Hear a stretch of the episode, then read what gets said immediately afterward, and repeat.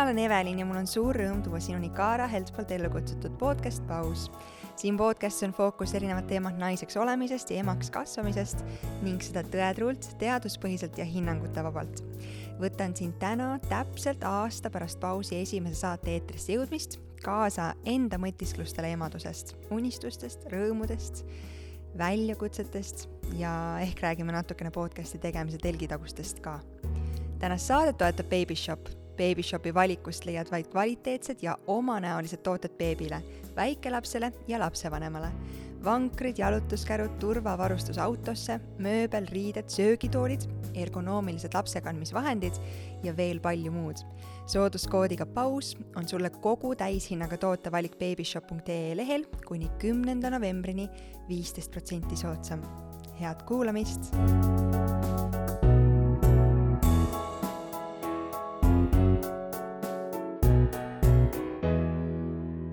Mult vahel on ikka küsitud seda, et kas pärast seda, kui ma olen teinud enam kui viiskümmend saadet äh, pausi ja enne seda veel äh, sama palju saateid või natuke rohkemgi teist podcast'i, et kas kokku see, et ma olen teinud enam kui sada saadet, enam kui sada korda istunud maha, pannud mikrofoni tööle ja rääkinud, üldjuhul küll külalisega, aga vahel ka üksi, et kas sellega on kadunud äh, ka selline teatav elevus, ärevus, hirm ja väljakutsed sellega, aga ma olen pidanud tunnistama, et tegelikult ei ole. ikkagi on teatav elevus ja ärevus ja hirm ja väljakutsed. ma arvan, see on ennekõike tingitud sellest, et äh, iga kord saate teema on erinev, külalised on üldjuhul erinevad ja ma mul on üks, äh, ma ei teagi, kas see on halb isikuomadus või hea, kindlasti mõlemat, sõltuvalt kontekstist, aga mul on komme hakata podcast'i tehes enda vastas olevat inimest peegeldama. ja ma tean, et ma teen seda sellepärast alateadlikult, et inimesel, kes mu vastas on, temale üldjuhul on see ebamugav olukord, äh, sest mulle ikkagi, hoolimata sellest, et ma just ütlesin, et see ei ole nii lihtne, aga ikkagi see on mulle turvaline keskkond, ma tean, mis toimub, ma tean, mida oodata ja ma olen sellega ikkagi mingil määral harjunud aga selle külalise jaoks tihtipeale see on uus ja, ja väga paljud ikkagi kardavad äh, esimese hooga kogu seda podcast'i äh, salvestamist ja seda podcast'i maailma. ja minu alateadlik äh, hoiak neid inimesi või külalisi enda vastu hakata peegeldama, ma arvan, et ma teen seda lihtsalt sellepärast, et see justkui, ma, ma arvan, ma ei tea, kas sellel isegi tõepõhi all on, ma pean seda uurima, see on väga põnev asi kusjuures. ma arvan, et äh, see, ma püüan seda teha sel-, püüdluses neile luua sellist turvalisemat ja kodusemat keskkonda, et ma tihti, ma poole saate pealt taban, et ah, ma žestikuleerin samamoodi nagu külaline või ah, ma kasutan samu väljendeid nagu külaline, mida ma muidu tavapäraselt ei kasuta ja ma olen küll saanud mõnel korral äh, see on tulnud külalisega jutuks ja ma olen saanud positiivset tagasisidet külaliselt selle, selle kohta. ja enamasti kõik külalised astuvad uksest välja ikkagi äh, säravate silmadega ja ütlevad, et ah oh,, Evelin, aitäh, see oli nii tore ja see ei olnudki nii hirmus, kui ma arvasin. ja pärast kümmet minutit ma üldse unustasin ära, et see mikrofon mul nina ees oli. aga ühesõnaga, see on üks võib-olla selline sissevaade äh, salvestustesse kuidas see toimib. Ja ma pean tunnistama, et täna ükskõik, kui palju kordi ma ei oleks ka podcast'il rec-nuppu vajutanud ja ükskõik, mitu korda ma ei oleks äh, enda häält kuulanud näiteks järeltöötluses, siis see on ikkagi väljakutsuv. Ja teha seda täna üksi hmm.. no ma püüan kasutada rohkem sõna elevus ärevuse asemel, aga kellele ma valetan tänane saade on ikkagi päriselt natukene ärevust tekitav, aga kuna ma tunnen, et mul on öelda ja see põhjus, miks ma seda saadet täna üksinda salvestan, on ka väga, ma arvan, tore, eh, ja ma kohe jõuan selleni, miks, siis eh, tänane saade nii on ja ma loodan, et sa tuled eh, minuga sellel mõtterännakul täna kaasa aga tulles tagasi selle juurde, et miks ma siis tänast saadet ikkagi üksi salvestan, siis see põhjus on tegelikult väga lihtne. nimelt on täna pausi viiekümne neljas saade, mis äh, kiire matemaatika ja aastas olevate nädalate hulga kokkuarvutamisel äh, näitab seda, et paus on ilmunud terve aasta igal esmaspäeval ja toonud äh, sinuni palju põnevaid teemasid emadusest, lapsevanemlusest koos spetsialistide ja, ja mõndade kogemuslugudega ka. see on olnud äh, ääretult äh, värvikirev äh,, erakordselt põnev, samas väga paljude kogemuste ja uute taipamiste aasta ja nii podcastis kui ka minu elus üldiselt. tahan ma seda või mitte, ikka tahan, see isegi ei ole küsimus, aga see on selline paratamatu osa podcast'i tegemisest minu silmis, et podcast'i host või host'id on natukene selle podcast'i nägu. Ja vähemasti mulle endale tundub nii ja nüüd mul on väga piinlik, kui kõik teised nii ei arvagi, aga mulle tundub, et pod-, podcast'i host'ina ma olen natukene nagu pausi nägu. Ja, ja seega ma mõtlesin, et äh, võtta see eelnev podcast'i aasta kokku, oleks paslik äh, rääkida natukene nii podcast'i telgitagustest kui ka enda emadusteest, äh, mis on täna äh,, mu laps on aasta ja kolmekuune varsti, ma tunnen ennast jätkuvalt väga algaja, algaja lapsevanemana, aga ma usun, et mul on äh,, ma vähemalt ise tunnen, et ma olen kogenud hästi palju, hästi palju õppinud enda kohta väga palju pidanud muutma oma väärtusi ja arusaamu maailmast ja elust enesest. Ja mulle väga meeldib see ütlus, et lapsed tulevad meid õpetama ja täpselt seda ma olen see aasta ja kolm kuud tundnud, et mul on väga-väga-väga palju olnud õppida. ja võib-olla täna ongi hea siin pausi esimese sünnipäeva saates äh, kokku koguda need taipamised elust podcastist ja neid teiega jagada. Kuid enne, kui ma täitsa enda mõtete teed lähen, siis ma mõtlesin, et ma jagan natukene põnevaid fakte ka podcasti kohta. nimelt on pausil kohe täis sada tuhat kuulamist, mis on tegelikult väga suur ja uhke number, arvestades teemade fookust paus ei ole kindlasti saade kõigile, see kindlasti ei ole kõigile igal eluperioodil. lapsevanemlus, tee, mm, emadustee ja need saated äh, on miski, mis ma tahaks loota, et toetavad äh, ja neid on võimalik kuulata just selles järjekorras, just neid teemasid, mis sulle parasjagu aktuaalsed on, mis sind kuidagi aitavad ja edasi viivad või mingil äh, hetkel hoopis meelelahutust pakuvad. nii et äh, mul on väga-väga hea meel, et saade on jõudnud nii paljudeni. Mm.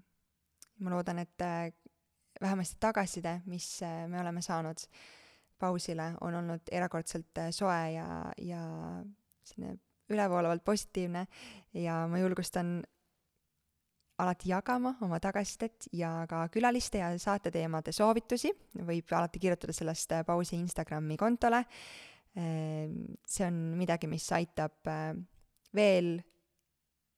põhjalikumalt luua seda sisu, mis päriselt väärtuslik on ja kedagi toetab, nii et äh, andke alati teada. aga põnevatest faktidest veel,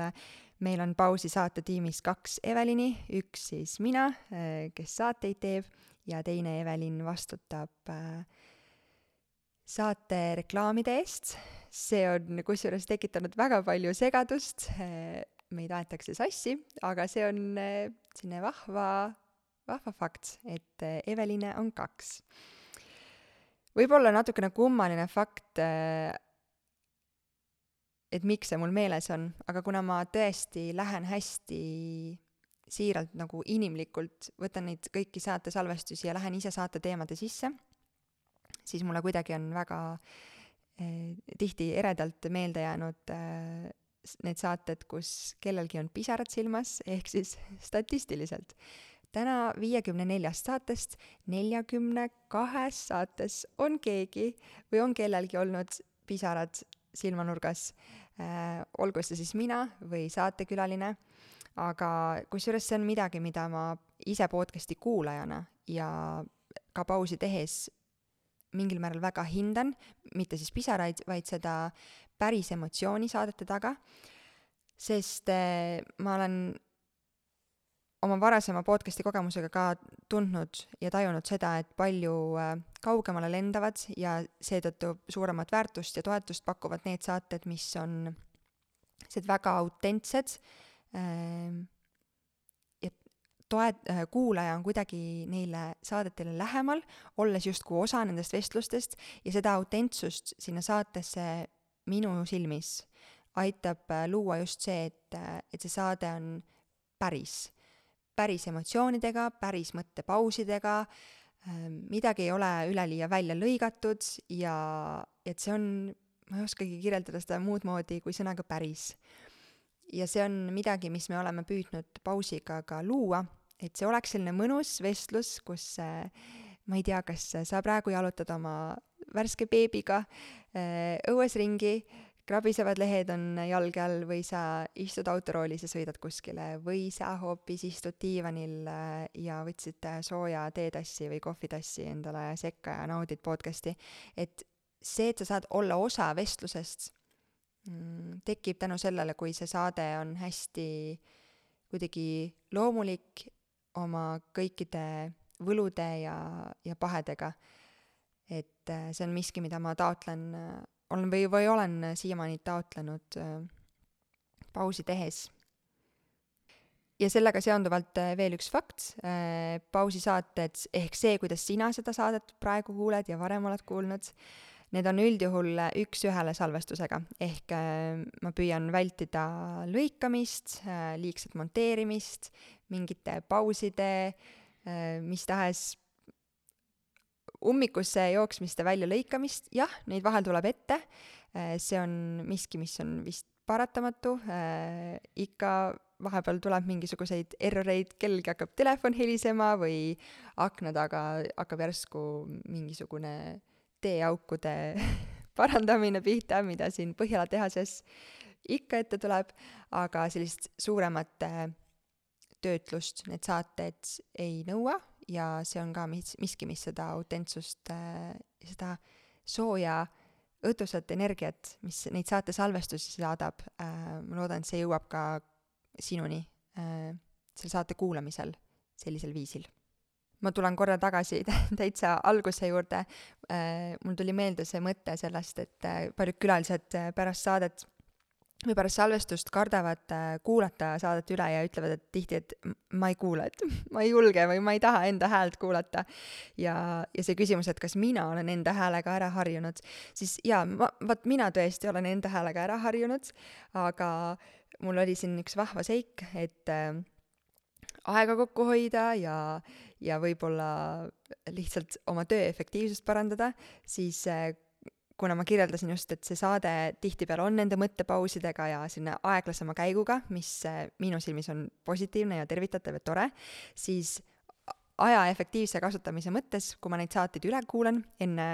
ülespanemist, et sina saaksid neid kuulata, siis äh, ma kuulan neid saateid üle kiirendusega eestikeelseid ja ka, ja ka teisi podcast'e, mis ma ise vabal ajal kuulan, ma kuulan kiirendusega, see on minu jaoks hästi tavapärane. ja ma kuulan eestikeelseid podcast'e tavaliselt korda kaks kiirendusega, inglisekeelseid üks koma viis või üks koma seitsekümmend viis, sõltub väga teemast ja saate tegijast. aga ma olen nii harjunud enda kiirendatud häälega, et kui eh, ma mõni aeg tagasi olin sunnitud ühte saadet eh, siis üle kuulama ja natukene lõikama ja monteerima, tavapärases kiiruses, siis ma mõtlesin küll, et appikene, kas keegi suudab päriselt kuulata nii rahulikku ja nii paljude mõttepauside rohket saadet. nii et mul oleks väga põnev teada, kuna seda ma kuidagi statistikast äh, välja ei võlu, et kui palju kuulatakse kiirendusega ja kui palju tavakiiruses, äh, siis ma väga tahaks teada, kas äh, sina kuulad saadet kiirendusega või, või mitte, sa võid mulle märku anda. aga kui sa ei teadnud, sest ma tean, et paljud ei tea seda, siis äh, Spotify's või ka teistel platvormidel, kus äh, sina parasjagu podcast'i kuulad, all vasakus nurgas üldjuhul on selline kiirendusnupp ja sealt saad valida endale sobiliku kiiruse, et võib-olla see on sulle siit üks life hack podcast'i kuulamisel lisaks. aga ma jätan nüüd podcast'i jutud äh, kõrvale ja liigun fookuse ja suunaga omaenda ähm, podcast'i väga seiklusrikka aasta kõrval ka väga seiklusrikka äh, aastani emana äh, oma isiklikus elus, see on kahtlemata olnud tohutult palju rõõmu pakkuv äh,, uusi taipamisi, avastusi äh,, see on olnud mu elu parim aasta. ja samal hetkel on see pakkunud keskmisest raskemaid hetki, väljakutseid, pisaraid ähm,, teemasid äh,, mis on seda põhjustanud, on mitmeid, üks on kindlasti äh, töö ja pereelu tasakaalustamine. see on miski, millele ma soovin siin saates täna ka oma pilku natukene suunata. ja sel teemal tuli ka tegelikult äh, mitu küsimust, äh, kusjuures see on nii vahva, kuidas äh, ilmselt inimeste sellised ähm, vaated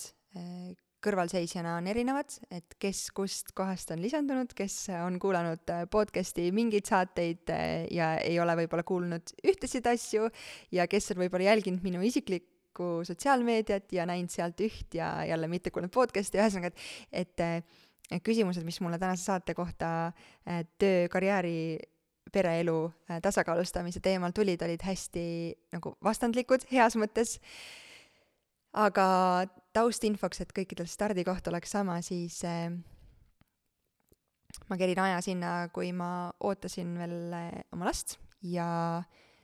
ma arvasin, et ma olin suutnud teha kõik selleks, et äh, kui laps sünnib, siis ma saan lihtsalt temaga voodis kaisutada ja imetleda teha, teda ja teha kõike tema jaoks ja olla sada protsenti tema jaoks olemas. Mul on olnud äh, alati selline realistlik maailmavaade lapse saamise osas sellele, et ma tean, et laps nõuab äh, väga palju aega ja pühendumist ja tähelepanu äh, ja ma olen igakülgselt valmis seda pakkuma. aga mu üllatus oli üpriski suur, kui ma lapse sündides äh, sain aru, et tegelikult see, see, mis ma olin teinud äh, varem,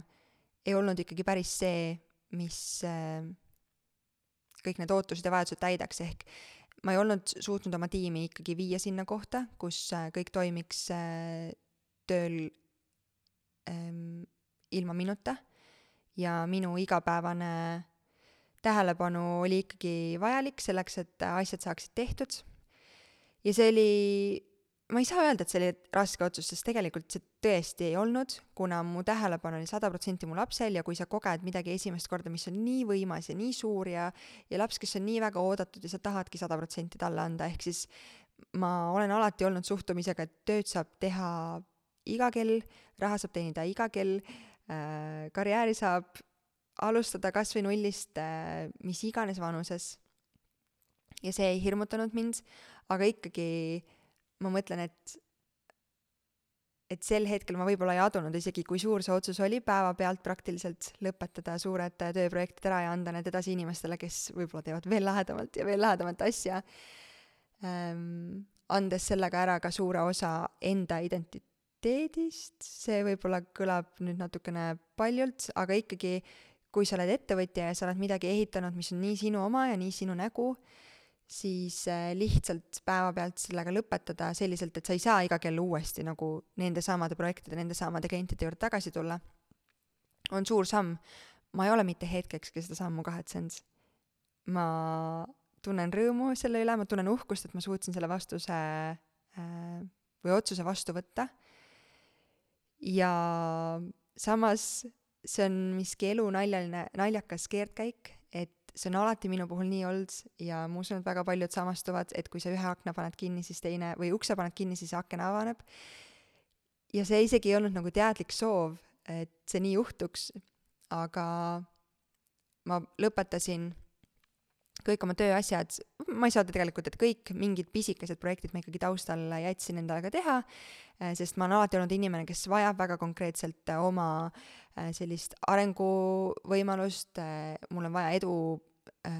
eduelamust saada igapäevaste toimetuste vahel, selle, et need, et see kannaks mind ja aitaks mul olla parem ema ja parem abikaasa ja,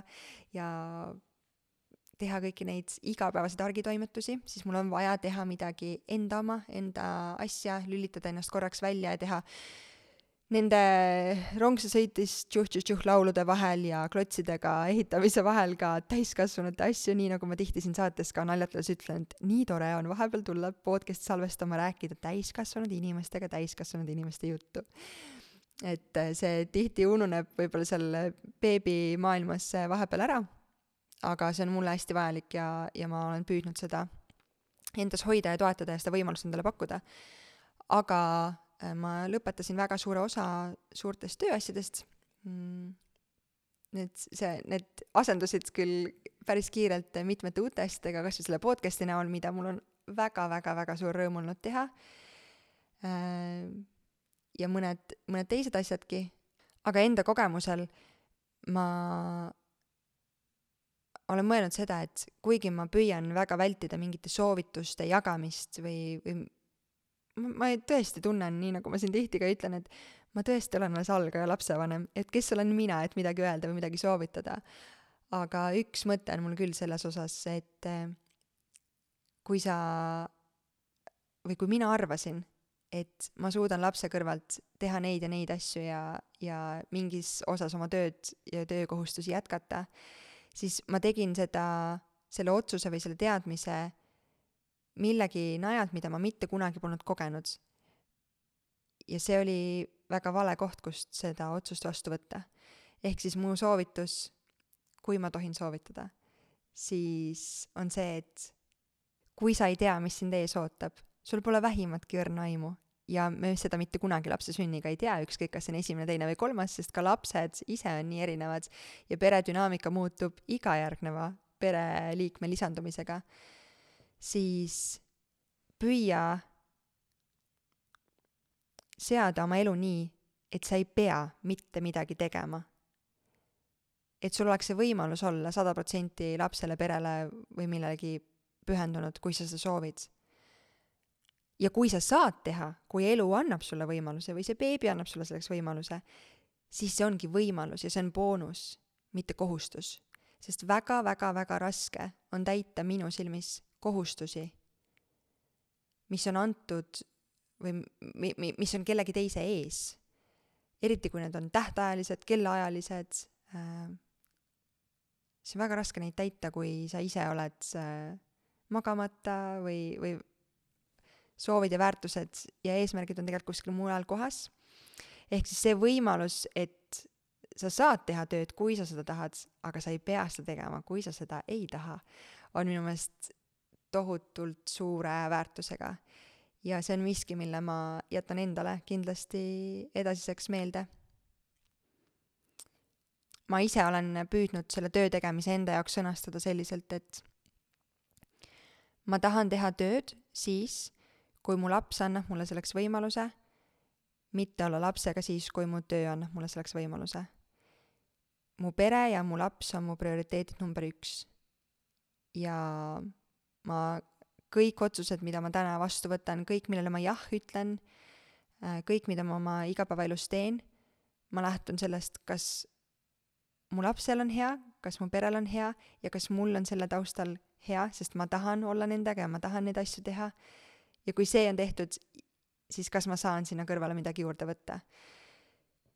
et täna, kui ma vaatan tagasi kogu sellele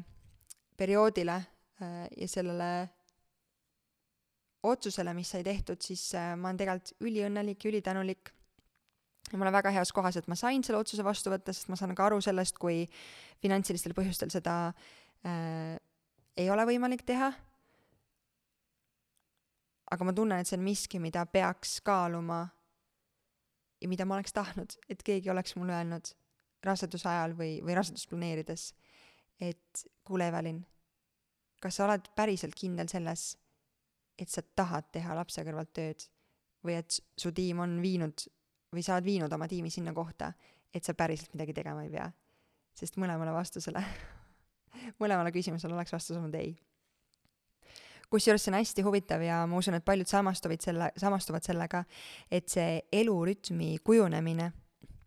beebi kõrvalt või, või laste kõrvalt on justkui selline, et et just siis, kui sa tunned, et nüüd on rütm sees ja sa saad hakata sellest kindlast rütmist lähtuvalt plaane tegema, no näiteks, et kui laps läheb lõunaunne, siis sa tead täpselt, umbes täpselt kaua ta magab ja sa saad sinna planeerida oma töö tegemise või, või ma ei tea, kohtumise sõbrannaga kohvikus, sest sa tead, et su laps magab vankris. siis tuleb buum, üllatus ja kindlasti laps just sel hetkel ei maga ja kindlasti see rütm just siis saab, äh, vajab muutust. et äh, alati, kui see harjumuspärasus juba tekib, siis elu väikeste lastega näitab, et äh, see kõik muutub ja, ja see on miski, millega on kõige raskem olnud mul endal kohaneda. et äh, nagu ma enne ka ütlesin, siis mul on vaja mingit oma asja ja mul on vaja enda aega, et ma saaksin olla kõikide teiste jaoks olemas ja teha kõiki neid asju, siis äh, tihti see oma aja planeerimine on oluliselt väljakutsuvam, kui see esmapilgul tunduda võib.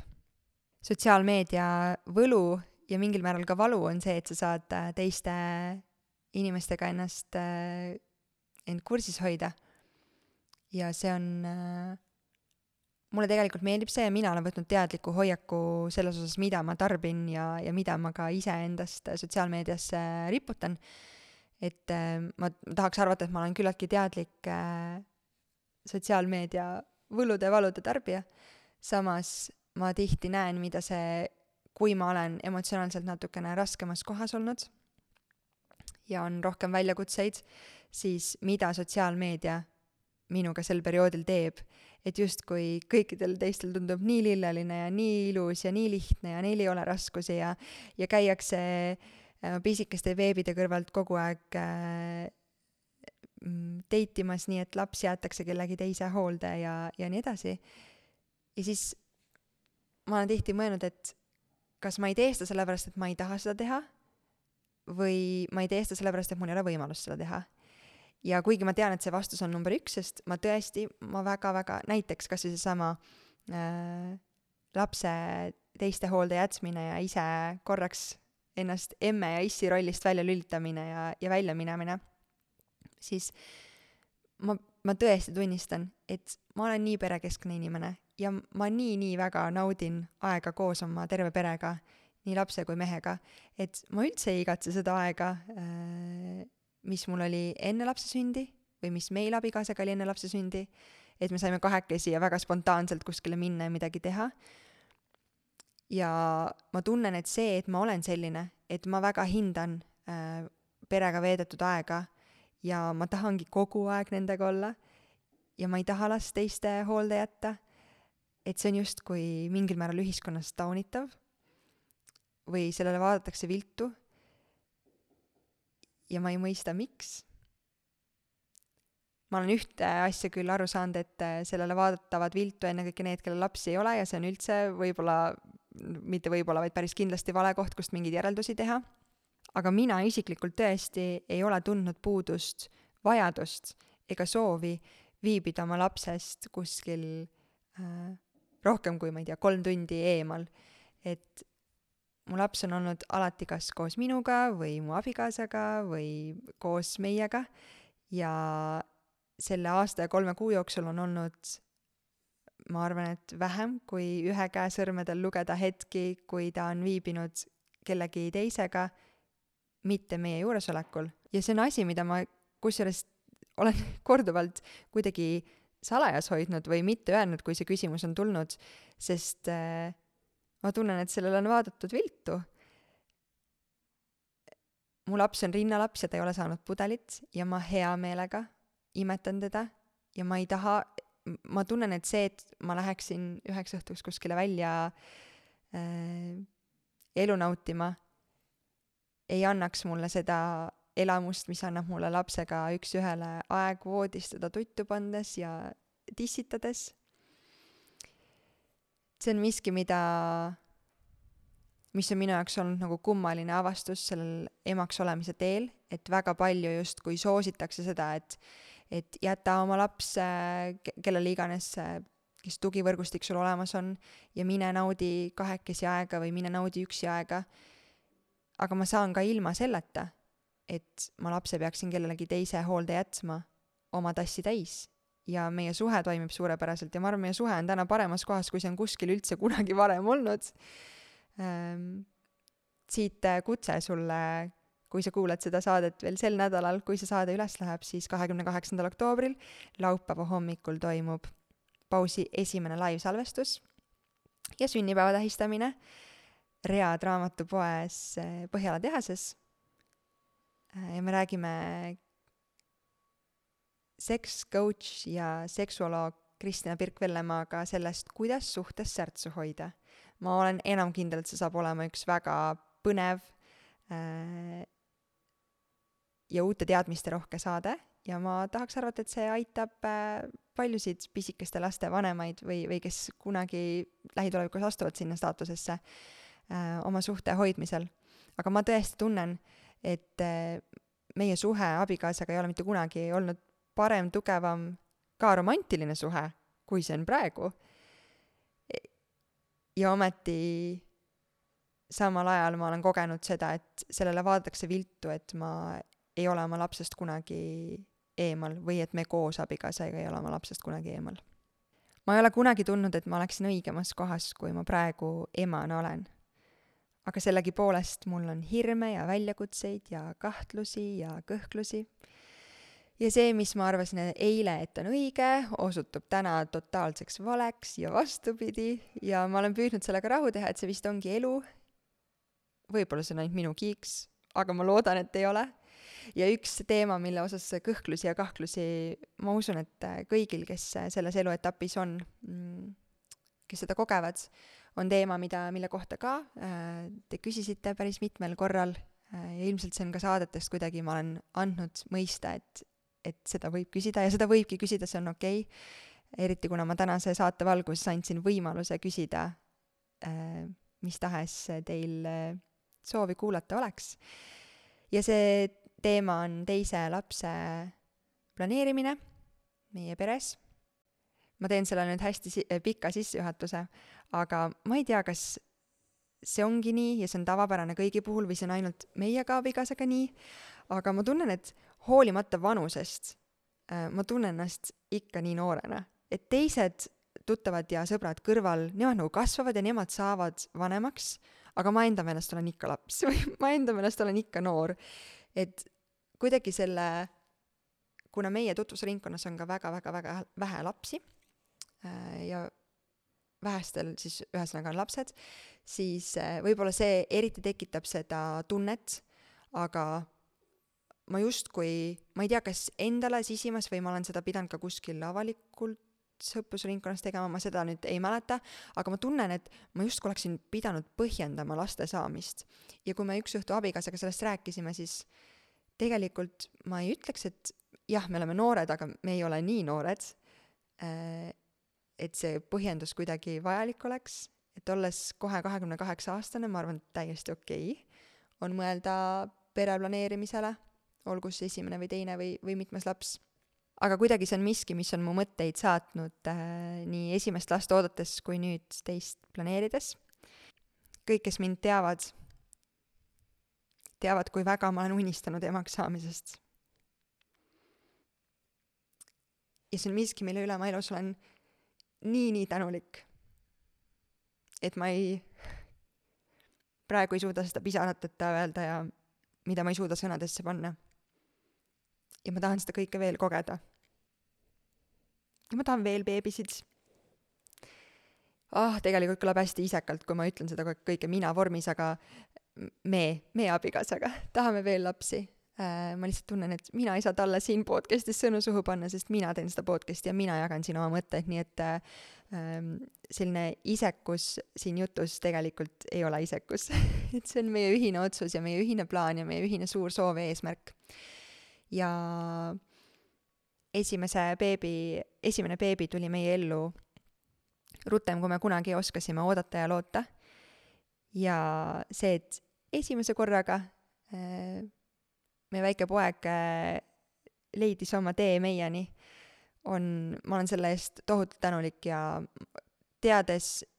juba enne teades, aga nüüd podcast'iga eriti palju spetsialistidega ja, ja emadega neil teemadel vesteldes. Äh, ma olen aru saanud ja tean, et see ei ole nii lihtne ja seda enam tänulikum ma olen sellele, et et see meil nii hästi esimese korraga läks. Ja nii nagu ähm, keegi saates ka jagas, et isegi nagu piinlik ja nagu tegelikult ei taha seda öelda, sest teistel on nii palju raskusi,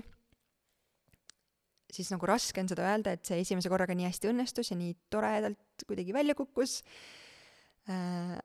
Aga ma olen alati hoidnud seda meelt, et kuna mind hirmutasid need lood, kus kõik ei ole nii ilus ja kõik ei lähe nii hästi esimese korraga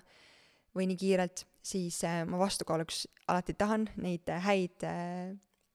lugusid ka jagada ja see on põhjus, miks ma olen ka hästi avameelselt öelnud, et, et meil läks konkreetselt esimese korraga, esimese proovimisega, siis beebi tuli ja kõik kulges äh, ilma komplikatsioonideta väga hästi. ja ma tahaks öelda, et ma ei olnud naiivne äh,, kui me hakkasime teist last planeerima, aga tegelikult äh, tuleb välja, et ma olin naiivne, sest selle, nende kuude jooksul nüüd on olnud nii mõnigi magama nutetud äh, öö ja väga palju pisaraid ja väga palju kahtlusi iseendas ja hirme. aga see on, äh, ma tean, et,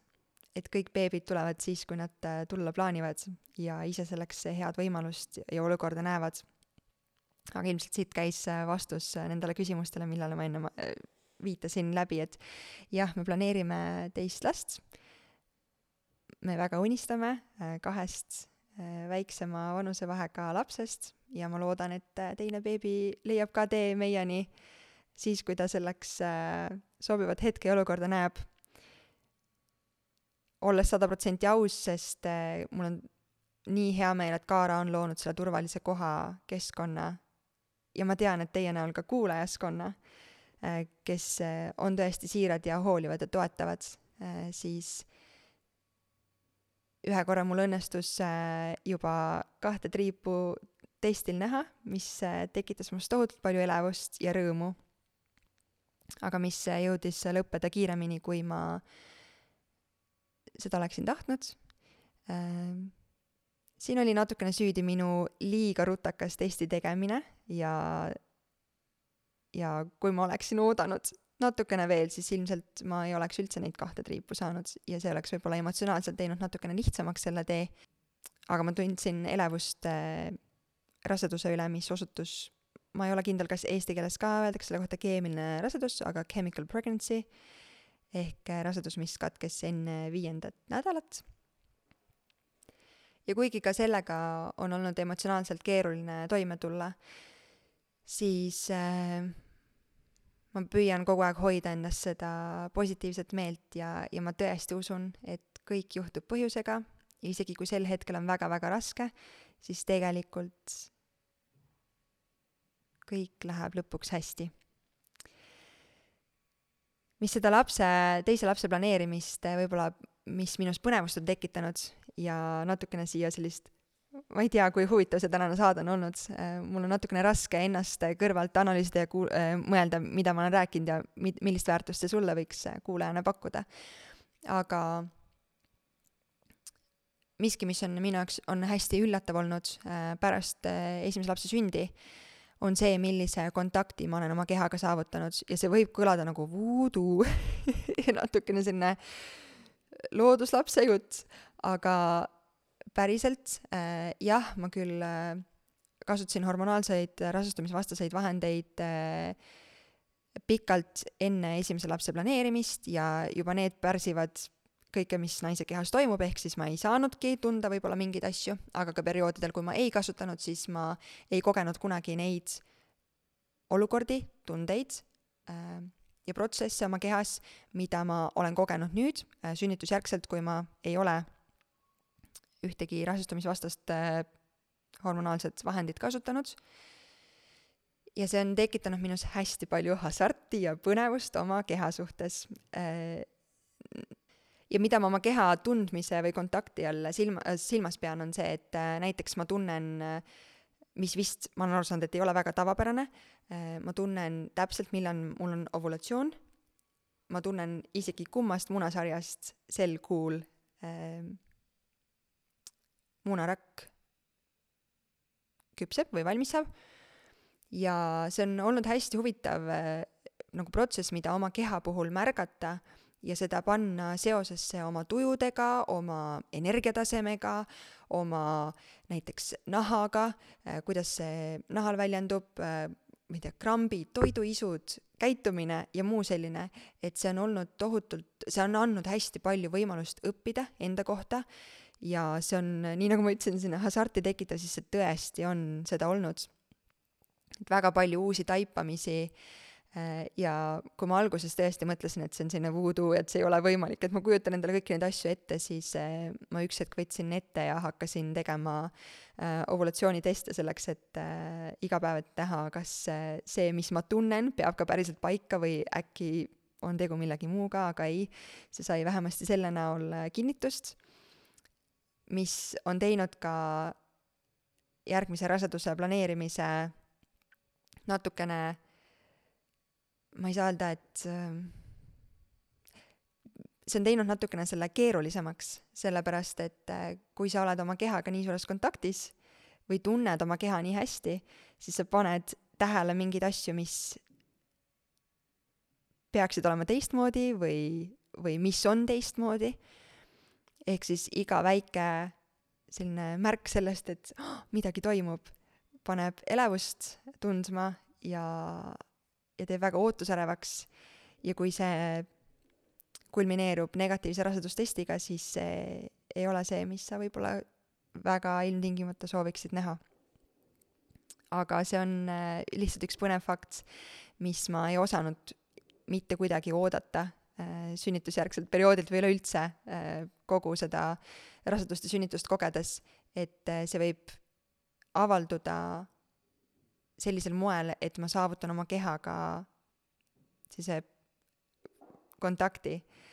Äh, aga see on hästi põnev ja hästi põnev on äh, leida selgitusi, sest äh, ma olen selline inimene, kes tahab alati, küsib kümme korda miks ja siis tahab alati saada kõigele vastuseid. ehk siis oluliselt palju lihtsam on ennast selgitada oma abikaasale, võib-olla oma tujukust või tujutust ja seda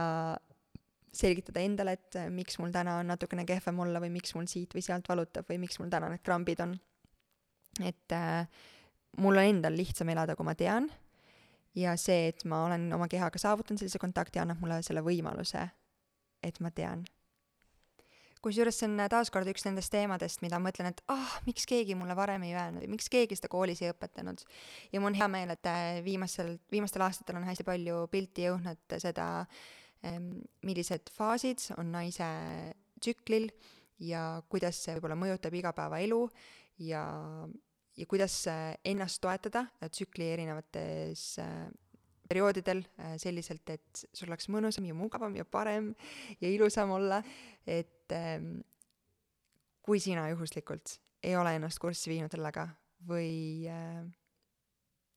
või sa ei tea päris täpselt, millest ma räägin siis esiteks mulle siit endale äh, nupukene, et sellega ma võiks kindlasti kellegagi äh, ilmselt mõne günekoloogiga saates rääkida. ja teiseks äh, uuri selle kohta, sest ma tõesti arvan, et see on äh,, see on põnev, see on selline, selline tunne, et oh, ma häkkisin oma keha lahti ja ma olen nüüd väga powerful. aga selline kõikvõimas tunne on küll, kui sa tead, mis su kehas toimub et see väga kaootiline saade äh, lõppu veeretada. ma loodan, et, äh, et sa said siit täna oma küsimusele vastuse või sa said äh, midagi minu kohta teada või podcast'i kohta teada või lihtsalt sul oli tore mu seltsis aega veeta, siis äh, mõtlesin, ma lõpetan selle saate ühe mõttega, mis äh, päevast päeva, nädalast nädalasse ja aasta aastasse ikka saadab mind ja see on nii klišee ja kõik räägivad, aga ometi ma ise kukun sinna auku, ma tean, et teised mu ümber ja kaugemal kukuvad sinna auku. ja selleks on see, et usalda oma sisetunnet. ja kõiges, kõiges, mis su elus on. nõu küsida teistelt on täiesti okei okay,, kui nad on keegi, kellelt sa nõu vastu võtaksid. küsida arvamust, soovitusi on ka okei okay,, kui sa tahad just neilt seda küsida aga teha mingeid otsuseid lihtsalt sellepärast, et keegi teine ütles, kuulamata seda, mida sa ise tunned, mida sa ise koged ja mõtled, on vale. ja see mulle endale ka meeldetuletuseks, sest kas või seesama, kuidas ma juhatasin sisse meie teise lapse planeerimise tee, kes ma loodan, et tuleb varsti meie ellu, aga keda täna veel ei ole. ja selle teemaga ma olen pidanud kogu aeg mõtlema, et aga nemad ju ütlesid ette või kuidas nemad seda näevad või mida nemad meist arvavad ja nii edasi ja nii edasi. minu kõige suurem pahe on see, et mulle hoolimata kõikidest pingutustest läheb korda teiste arvamus ja ma teen igapäevaselt, püüan tegeleda sellega, et see nii ei oleks. aga hoolimata sellest ma tunnen, et et kui ma usaldaksin rohkem enda sisetunnet ja teeksin rohkem nii, nagu mina tahan ja nagu mina päriselt õigeks pean ja teha seda enda otsustest, teadmistest ja parimatest oskustest lähtuvalt, siis minu enda elu oleks parem ja ma usun, et kui kõik seda teeksid oma kännu otsast vaadates, siis kõikide elu oleks parem. ehk siis ükskõik, mida teised ütlevad äh, selle kohta, kas äh, kui noor sa oled või kui vana sa oled laste saamiseks või milline see kõige parem vanker on või mida sa peaksid oma lapsele süüa andma ja mida mitte või mida sa ise peaksid sööma ja mida mitte või kas sa peaksid seda kohvi jooma või mitte ja nii edasi ja nii edasi. tee seda, mida sina heaks arvad, uuri, hoia oma teadmised kursis, aga tee seda, mida sina heaks arvad ja usalda oma sisetunnet. sest ma arvan, et see on ainus, mis viib meid päriselt õigele teele ja pakub meile seda elamust äh,, täidab neid unistusi, mis meil endal on. vot, sellised mõtted. mul oli, ma tahan öelda, et väga tore, mul oligi väga tore seda tänast saadet salvestada ja sinuga jutustada äh,, natuke hirmutav ka ja natuke väljakutsuv ka. see üksi rääkimine on ikka paras ports tööd. aga ma loodan, et kõik põletavad küsimused said siit vastuse Ehm, ja ma loodan, et me kohtume sinuga juba järgmises saates. Oh, see tuleb põneval teemal. kõik äh, pisikeste laste vanemad saavad kõrvad kikki äh, äh, panna ja, ja kuulame järgmisel nädalal nüüd pise-, pisematest lastest natukene. aga ma soovin sulle mõnusat päeva jätku, ükskõik, kas sa kuulasid seda podcast'i praegu diivanil, diivanile keritult või beebiga jalutades või või kus iganes, mida iganes tehes. ja ma loodan, et me kohtume veel. tšau!